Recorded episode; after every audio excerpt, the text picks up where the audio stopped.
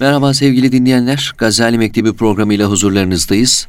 Aziz Mahmut Hüdayi Vakfı Sufe Meclisi İslam İlimler Merkezi Müdürü Sayın Mehmet Büyükmutlu hocamızla birlikteyiz. Bendeniz program sunucunuz Muhammed Safa Ulusoy. Aziz dinleyenlerimiz Gazali Mektebi'nin geçtiğimiz bölümünde kıymetli hocamla Gazali'nin dörde ayırdığı hakikati arayanlar ve hakikate ulaşacaklar şeklinde tasnif ettiği gruplardan felsefecileri konuşuyorduk. Bu konu özelinde İmam Gazali'nin kalem almış olduğu Makasidül Felasife adlı eseri ve hı hı. ardından Tehafütül Felsefe evet. adlı eseriyle özellikle Mehmet Hocam'ın ifadesiyle Tehafütül Felasife eseri adeta arı kovanına çomak sokmak şeklinde bir kitap idi dediniz kıymetli hocam. Yani felsefecilerin ipliğini pazara çıkardı evet. Gazali şeklinde de bir ifade kullandınız. Buradan hareketle şöyle başlayabiliriz belki. Ben son olarak sorularımın arasında felsefeyi, Gazali felsefeyi bitirdiğimi, bu tarz tartışmalar çok var şeklinde bir soruda yöneltmiştim. Burada tabii tehafütül felsefede felsefecilere büyük eleştiriler de var. Sizin ifade ettiğiniz gibi. Felsefeye karşı mı? Felsefecilere yaklaşımı nasıl?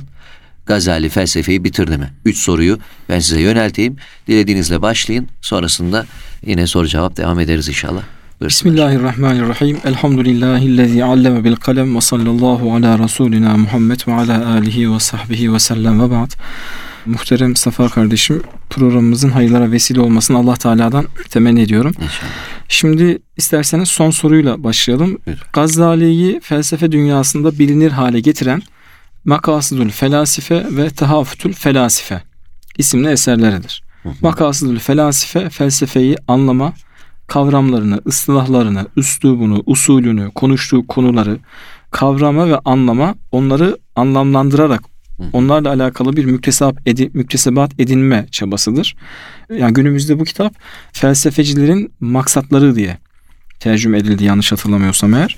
Bir de Tahafütül Felasife. Bu kitap felsefecilerin tutarsızlıkları diye veya tutarsızlığı diye tercüme edildi. Hani tutarsızlık denildiğinde bizim Ammice'de yani halk dilinde biraz hamasi olarak hezeyan gibi anlaşılıyor ama tutarsızlık bir tenakuzdur. Yani ilmi olarak değerlendirildiğinde bir usulünün, bir üslubunun, bir yönteminin, bir metodolojisinin olmaksızın veya bu metodolojiye bağlı kalmaksızın aşvaiyen diyebileceğimiz rastgele e, sonuçlar elde etme. Bir prensip ortaya koyuyorsun fakat koyduğun bu prensibe ilk önce sen karşı çıkıyorsun veya bunu ilk ihlal eden sen oluyorsun. Hal böyle olunca bu tutarsızlık veya tenakuz senin ortaya koyduğun prensiple, usulle şu neticeye varmamız gerekir.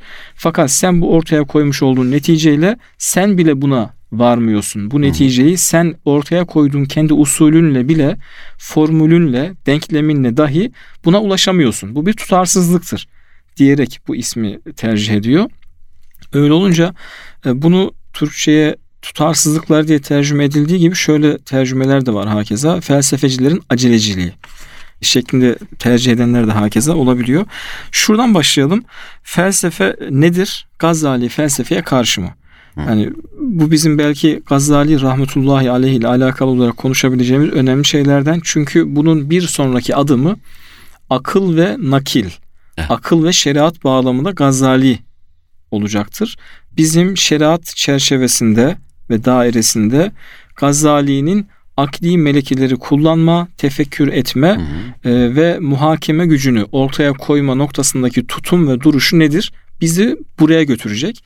İhyayı anlamaya ve Gazali rahmetullahi aleyhin bütün ilmi hayatı süresince veya müktesebatı çerçevesinde nasıl anlamlandıracağımıza dair de bir altyapıyı oluşturacak. O yüzden felsefe nedir? Gazali felsefeye karşı mı? Gelen ithamlar, işte İslam dünyasında felsefe noktasında karışıklığa sebebiyet verdi, müdahale etmeseydi, konuşmasaydı, bununla alakalı fikir beyan etmek zorunda değildi zaten. Fikir beyan etmeseydi ne kaybederdi? Niçin konuştu? Konuştu, her şey mahvoldu gibi böyle çok fazla tutarlı olmayan, e, hamaset barındıran, duygusallıktan kendisini alamamış romantize ifadeler maalesef kullanılabiliyor. Şimdi felsefe tamamıyla düşünmenin karşılığı değildir. Yani düşünmek ve tefekkür etmek eşittir. Felsefe diye adlandıracak olursak birincisi bunu ilk sahiplenen kişi belki Gazali olacaktır. Neden? Biz bir ilmi o ilimle iştigal ettikten sonra o kişilerin amellerine, tasarruflarına, ortaya koymuş olduğu fikir ve eserlerine bakmak suretiyle değerlendiriyoruz. Yani bir ilim onunla iştigal eden kimselerin müsbet veya menfi tutumlarından hareketle müsbet veya menfi değerlendiriliyor. İyi veya kötü olarak adlandırılıyor. O yüzden felsefe eşittir düşünmenin tamamıyla kendisidir, tefekkür etmenin adıdır denildiğinde ayet-i kerimede efela tefekkerun. Siz tefekkür etmiyor musunuz? Yani bu şu demektir. Tefekkür ediniz. Efela tezekkerun. Hatırlayınız, anınız, düşününüz. Veya kul siru fil ardı fenzuru. İbret nazarıyla bakınız. Veya işte mukayese ediniz. Fatebiru ya ulil elbab veya ya ulil ebsar. Akıl emir. ve basiret sahipleri. Aynı zamanda emir. İbret alınız. İbret almak ne demektir? Mevcuda bakmak suretiyle, geçmişteki herhangi bir mevcuda bakmak suretiyle içinde bulunduğumuz şeyi mukayese ederiz. Neticelerini ortak bir paydada buluşturmaya çalışırız. Evet. Onlar şu ameli yapmak suretiyle helak olduysa biz aynı ameli yapmak suretiyle helak olmaktan kurtulamayız demektir. İbret budur. Köprü kurmaktır yani ibret almak. Hal böyle olunca düşünmenin külliyen adıdır denildiğinde buna ilk sahip çıkan Gazali olacaktır. O yüzden felsefe eşittir. Tamamıyla düşünmek demek değildir. Düşünmenin bir versiyonudur. Hani ıslahi olarak felsefeyi felsefeciler yani filozoflar daha çok şöyle tanımlıyor. Hakikati arama ve mana arayışı içerisine girme herhangi bir ilim dalında spesifik olarak bir şeyin arka planına vakıf olacak şekilde sorgulama, hakikati arama arayışıdır diyor. Burada kritik nokta şu. Bir şeyi ararken anlamlandırırken, mahiyetine veya künhüye vakıf olmaya çalışırken bir kriterin, bir kutsalın var mı? Seni düşüne düşüne bir yere ulaştırdıktan sonra bu cüz'i irade ile insanın sahip olduğu külli irade karşısında Allah Teala'nın külli iradesi karşılığında beşer olarak insanların bu cüz'i, basit, küçük, tikel iradesiyle düşüne düşüne varabileceği ve son kertede durabileceği bir durağı, bir noktası, bir dairesi, bir kutsalı var mı? Felsefenin yok. Yok. Bu sebeple mesela İslam tasavvufu ve Batı tefekkürü kitabında Necip Fazıl Üstad merhum birçok filozofu Pisagor'dan tutunuz da daha bir Aristo'ya varıncaya kadar, Thales'e varıncaya kadar birçok felsefeciyi tabir caizse İslam tasavvufu ve İslam tefekkürü mahkemesinde yargılar ve der ki şu kimse çok cins bir zekaya sahipti. Felsefeci olmasına rağmen böyle cins, böyle arı duru zihnin sınırlarını, tefekkürün boyutlarını ve insan muhayyilesinin son sınırlarını zorlayacak kadar sınırlara kadar ulaşmıştır. İnsan yetenekli iradesinin, insan, yetenekli iradesinin varabileceği her şeyi sorgulamıştır ama bu kimse son kertede ve son tahlilde iman nasip olmadan ölmüştür evet. diyor. Dolayısıyla iman mahkemesinde yargılıyor. Hal böyle olunca felsefenin bir kutsalı yok. Felsefenin İslam dünyasında hüsnü kabulle kabul görmeyişinin sebebi belki en temel sebebi bu. Biz İslam dünyasında Müslümanlar olarak e, felsefe diye adlandırmıyoruz zaten hakikat arayışını. Hikmet olarak ifade ediyoruz. Yani mutlak düşünme biçimi olarak lanse mutlak, edilmesine bir itirazı var mı Gazali'nin? Hayır yani mutlak biçim, düşünme biçimi olması zaten sıkıntı. Şu açıdan evet. sıkıntı bir kutsalı yok. Hı hı. Yani Allah Teala insanlara önce iman etmesini arkasından tefekkür etmesini emrediyor. İbret almasını emrediyor. Yani Allah Teala haşa siz düşünün, tefekkür edin, sorgulayın. Hatta şöyle bir parantez açalım. İslam da tefekkür denildiği zaman Allah Teala'nın sıfatları tefekkür edilir, zatı değil. Ya Allah Teala'nın uluhiyeti tefekkür edilmez. Allah Teala'nın mevcudiyeti, mahiyeti, ya acaba görünür mü, elle tutulur mu, mücessem midir, yoksa müşahhas mıdır, oturur kalkar mı, insan fiilleri gibi fiilleri var mıdır? Bunlar tefekkür edilmez. Tefekkür edilecek olan şey sıfatlarıdır, yarattıklarıdır. Bakarsın yarattığına, bir manzaraya, bir kuşa, bir kainata veya kuşun havalanmasına ki Allah veya dillerin konuştuğumuz dillerimizin farklı olmasına, farklı farklı dünyalardan olmasına rağmen evlilik çatısı altında buluştuktan sonra sanki ebed ezelden beridir bir arada yaşıyormuş gibi kaynaşmasına evlilikte hepsi bunların Allah Teala'nın kudretine taluk eden ve tefekkürü hamiz olan şey unsurlardır. Dolayısıyla Allah Teala'nın sıfatlarında tefekkür edilir. Fakat Hmm. felsefe denildiği zaman bir sınırı yok. Zat veya sıfatı fark etmiyor. Yani şunu söyleyeceğim. Allah Teala bize Müslümanlara siz tefekkür edin, sorgulayın, karıştırın, tabiri caizse deşin, zihninizle, cüz'i iradenizle tamamıyla bu işin içerisine girin, beni de düşünün. Hı. Sizin düşünceleriniz bana iman etmeyi, peygambere iman etmeyi, ahirete iman etmeyi, kitaplara ve gönderdiğim kurallara iman etmeyi salık veriyorsa, bunlara götürüyorsa iman edin. Ama eğer bunlara götürmüyorsa canınız sağ olsun bana iman etmişseniz de olur demiyor. Yani, İslam'da Ebul Hasan en-Nedvi'nin Hı. ifade ettiği gibi Allah rahmet eylesin Hindistan ulemasının büyük alim, Rabbani mütefekkirlerinden aynı zamanda İslam'da önce iman vardır. Sonra tefekkür vardır. İman edersin, bu iman ettiğin İslam çerçevesinde muhakeme gücünü kullanırsın. Ve bu muhakeme gücünü durduracak olan şey iman ettiğin mercidir. Yani Cenab-ı Peygamber aleyhissalatü vesselam ashab-ı kiram efendilerimizden şu soru geliyor. Biz diyor e, düşünüyoruz. Şeytan bize öyle şeyler düşündürüyor ki bazen bunu kim yarattı? Allah yarattı. Bunu kim yarattı? Allah yarattı. Peki Allah'ı kim yarattı? diye zihnimize getiriyor. Bir, bunun bir beisi, bunun bir günahı, bunun bir sorumluluğu var mı? Diyorlar. Ashab-ı kiram Efendimiz Cenab-ı Peygamber aleyhissalatu vesselama. Efendimiz aleyhissalatu vesselam da sizi bu kerteye getirdikten her şeyi yaratanın Allah olduğunu söyletip nihayetinde Allah'ı kim yarattı diye sorduktan sonra Evuz Besmele çekin. İstiazede bulunun. Çünkü bundan sonrası yoktur. Bundan sonrası İslam'ın itibar ettiği bir tefekkür biçimi değildir. Ve gerekli ve faydalı da değiller sanki. Faydalı olmadığı gibi bizim ilmi olarak, fikri olarak, ahlaki olarak, ameli olarak hiçbir yere ulaştırmayacak olan bir Evet. e, fuzuli, malayani bir uğraştır. Evet. Şimdi biz Kur'an-ı Kerim'de Allah Teala şunu ifade edelim. Ve ma halaktul cinne vel insa illa liyabudun. İnsanlar ve cinleri sadece ve sadece bana ibadet etsinler diye yarattım buyuruyor Allah Teala. Evet. Kur'an-ı Kerim'de apaçık bir ifadedir bu. Peki bizim yaptığımız düşünce, tefekkür veya fiili olarak yaptığımız ameliyeler ve tasarrufların her birisinin ibadet ekseninde ve çerçevesinde bir karşılığının olması gerekir. Bizim tefekkürümüz ibadet olarak adlandırılmıyorsa o bir tefekkür değildir.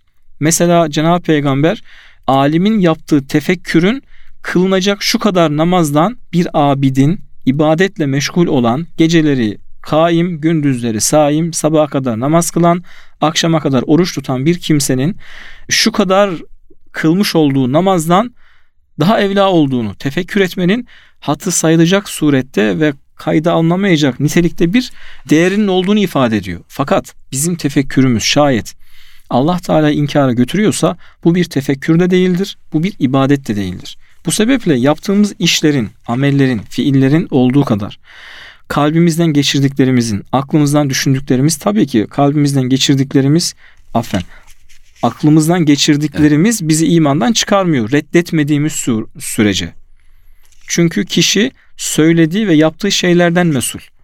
Aklından geçirdiği, Allah Teala inkar etmediği haşa, Peygamber Aleyhisselatü Vesselam'ı İslam'ın ve imanın rükünlerini inkar etmediği, tasdikten imtina etmediği sürece kişinin akıldan geçirdiklerinden bir mesuliyeti yok. Yok. Fakat kişi tefekkür ettikçe ibadet ediyorsa ve bundan sevap kazanıyorsa tefekkürünün Allah Teala'nın koymuş olduğu sınırlar çerçevesinde Cenab-ı Peygamber'in göstermiş olduğu hudutlar çerçevesinde olması gerekiyor. Bundan dolayı az önce ifade ettiğiniz bunun bizim ilmi olarak, imani olarak, itikadi olarak, İslami olarak, ahlaki olarak Allah Teala'nın zatını sorgulamanın bir karşılığı, iman ekseninde bir mukabili yok. Yani bu düşünmekle, tefekkürle alakalı tefekkür bizleri e, ibadete, taate, daha çok güzelliğe sevk ediyorsa Efendimizin ve Kur'an'ın tavsiye buyurduğu ya da emrettiği düşünce biçimine çok yakınız. Fakat olmaz şeyler e, istiaze gerektiren düşünceler zihne hücum ediyorsa da biraz belki fikri manada kendimize çeki düzen verebileceğimiz bir durum mu söz konusudur? Evet. Ben öyle anladım şahsen.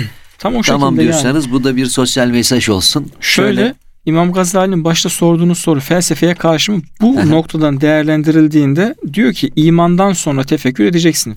Gazali'nin yaptığı da zaten bu. Şimdi Hmm. şöyle bir itham var ya İmam Gazali felsefeyi kullanmak suretiyle felsefeyle hesaplaşmıştır. O halde İmam Gazali'nin yaptığı bir tutarsızlıktır. Madem felsefe kötüdür, Niye niçin felsefe dilini kullanmak suretiyle, felsefeyle alakalı eser yazmak suretiyle felsefecilere ve felsefeye karşı çıkıyorsun?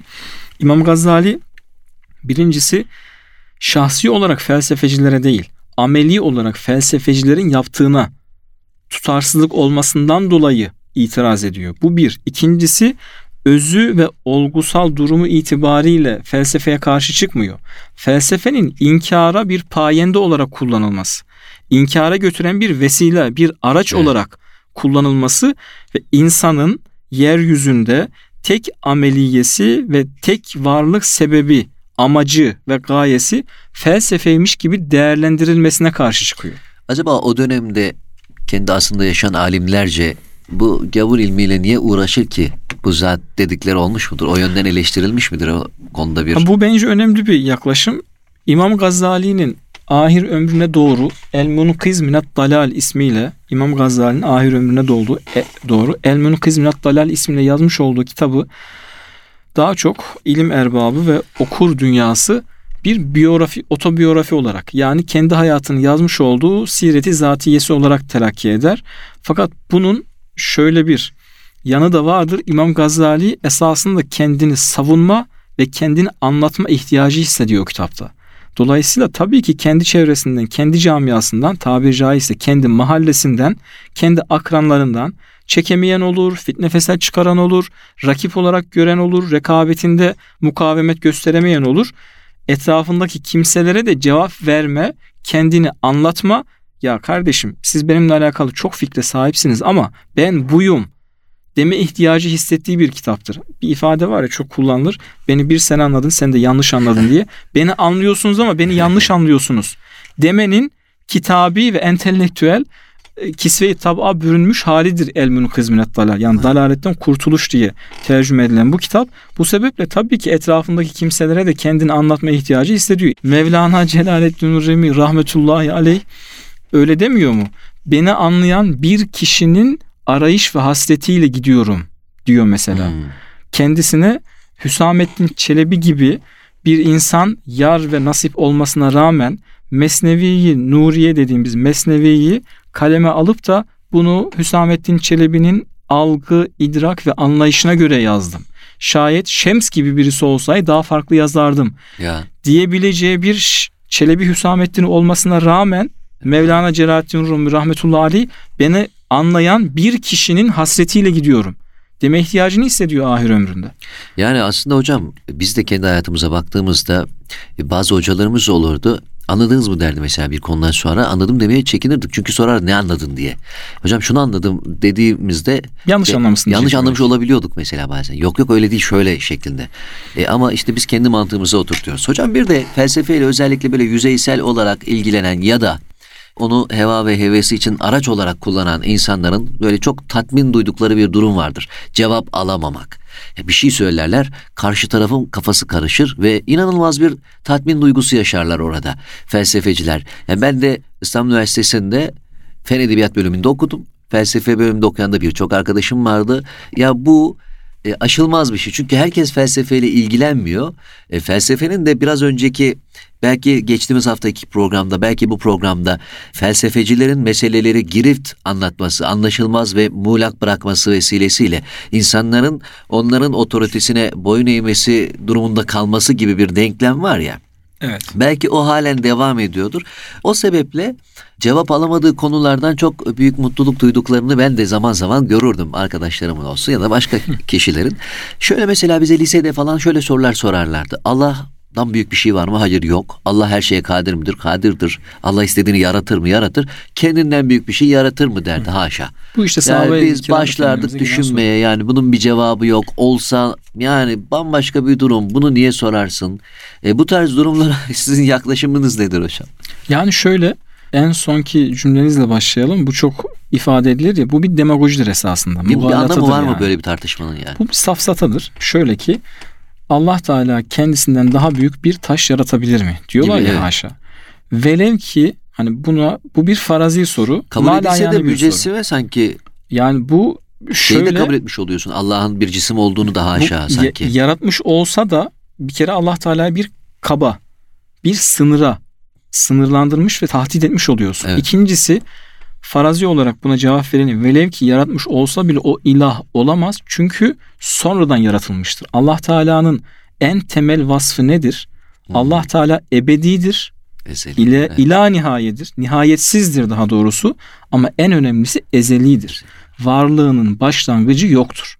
Evet. Velev ki bir kendisinden haşa yani biz kendi yani şöyle bir şey sormak gerekiyor. Allah Teala nasıl bir şey yaratırsa evet bu Allah Teala'dan daha büyüktür diyebilecek bir Allah Teala'nın mahiyetiyle alakalı bilgiye sahibiz. Evet. Hiçbir şekilde Hiçbir sahip şey. değiliz. Bu sebeple Allah Teala bizim karşımıza dünyanın en büyük dağı olarak adlandırılan Everest'ten daha bü- büyük bir dağ yaratsa diyeceğiz ki evet bu yaratılabilecek büyük. dünyadaki en büyük dağdır diyeceğiz. Şu anda içinde bulunduğumuz Samanyolu galaksisi diğer bütün galaksiler içerisinde bir mercimek tanesi kadar bile büyük değil. Bakın dünyadan bahsetmiyorum. Evet. Jüpiter'in ve Satürn'ün karşısındaki dünyanın konumu veya Güneş'in karşısında Jüpiter gibi devasa bir yüzlerce dünyanın sığabildiği bir gezegenden bahsetmiyorum. Bir galaksi düşünün. Dünyada, kainatta varlığının nokta kadar esamesi bile yok. Yani şunu söylemek istiyorum. Allah Teala bizim karşımıza ne yaratırsa evet bu Allah Teala'dan daha büyüktür diyebilecek bir Allah bilgisine sahibiz. Hiçbir şekilde sahip değiliz. Velev ki Allah bize onu da verdi. Mukayese etme melekesini. Yaratılan şey hiçbir zaman ilah olamayacaktır. Hı. Neden? Çünkü ezeli değildir. Allah Tabii. Teala'nın en temel vasfı Aynen. varlığının başlangıcı yoktur. Yani bereketli bir şey oldu hocam. Ben bu soruyu dedim ya işte ta lisedeyken bize sorarlardı. Unuttum gitti ama siz şimdi bunları bahsedince ben hatırladım. Cevap veremezdik. Yani bu yaratılmamış olması konusunu bilseydik belki daha rahat bir cevap verebilirdik dedim. O bu kelam mı ilgileniyor mesela bu konuyla? Şu an Bu sizin İslam o ürettiğiniz Tabii. cevabı kelam mı üretiyor hocam? Bu bir hik yani hikemi bilgi, hikmet bilgisi dediğimiz e, yani İslami ilimler içerisinde hikmete takabül ediyor veya riyaziyat dediğimiz Cevabınız mı? tabii tabii bu kelam ilmiyle alakalı bir yaklaşımdır. Heh. Kelam ilminin bir konusudur Şimdi doğrusu. Şöyle hissettim. Soru felsefecilerden geliyor, cevap kelamcılardan geliyor. Öyle bir durum mu var? Ha mı? tabii yani çünkü bizim önceki programda da ifade ettiğimiz gibi İslam felsefesi eşittir kelam olarak görülüyor. İslam'ın akılla alakalı, nazariyat ile alakalı, uluhiyet ile alakalı, Aha. semiyat ile alakalı, nübüvvetle alakalı, dünya ahiretle alakalı, kaderle alakalı, kitap, mekanizması mı? iman ve itikat ile alakalı bütün yekunu ihata eden ilim İslami ilimler ve literatür içerisinde kelam, Kelam. ilmine tekabül ediyor. E, Gazali kelamla alakalı sanki bir sınırlama mı yapıyordu hocam? Öyle bir şey geldi. Gazali'nin kelamla yaklaşımı tamamen farklı felsefeden. Önce Aha. yani, yani, Gaz- kelam felsefe yerine geçmesin. O onun görevleri şunlardır Tabii. şeklinde bir şimdi bizim İslam dünyasında filozoflar diyebileceğimiz bir sınıf olmadığı Sınıf için o taraftan gelen sorulara da kelami olarak ortaya çıkan sorunlara da kelamcılar bakıyor. Hı. İkinci bir görevi tanımlanmış bir kol yok. Tamam. O yüzden felsefeyle alakalı ithamlara şimdi şöyle bir şey düşününüz. O dönem itibariyle felsefecilerin ortaya koymuş olduğu ifadeler ve İslam'la alakalı olarak iddia ettikleri ithamlar almış başına gidiyor. Kelamcıların tutumu bu noktada daha çok savunma mekanizmasında, savunma hattında kalıyor. Evet. Ve bunu salt olarak kelam ilmine vakıf olursak biz bu sorulara veya sorunlara, iddia veya ithamlara cevap verebiliriz. Kanaati oluşuyor. O yüzden Zülfiyar'a dokunacak karşı taraftakileri bırakınız ilzam etmeyi durdurabilecek, onlara cevap niteliği taşıyabilecek kaydı değer bir şey ortaya çıkmıyor. Neden? Çünkü kelamcılar kelam ilmi bir kalkandır, bir zırhtır. Biz bununla bütün felsefecilerin, filozofların veya buna benzer kelamcıların ortaya atmış yani o zamanki durum itibariyle zındık ifadesi kullanılıyor. Evet. Bütün zenadika dediğimiz zındıkların veya bütün felsefecilerin, bütün kafirlerin, mülhitlerin, dinden dönmüşlerin, İslam ile alakalı ileri geri konuşan her bir kimsenin cevaplarına sahip olduğumuz bu müktesebat ile cevap verebiliriz kanaati var ama yetmiyor.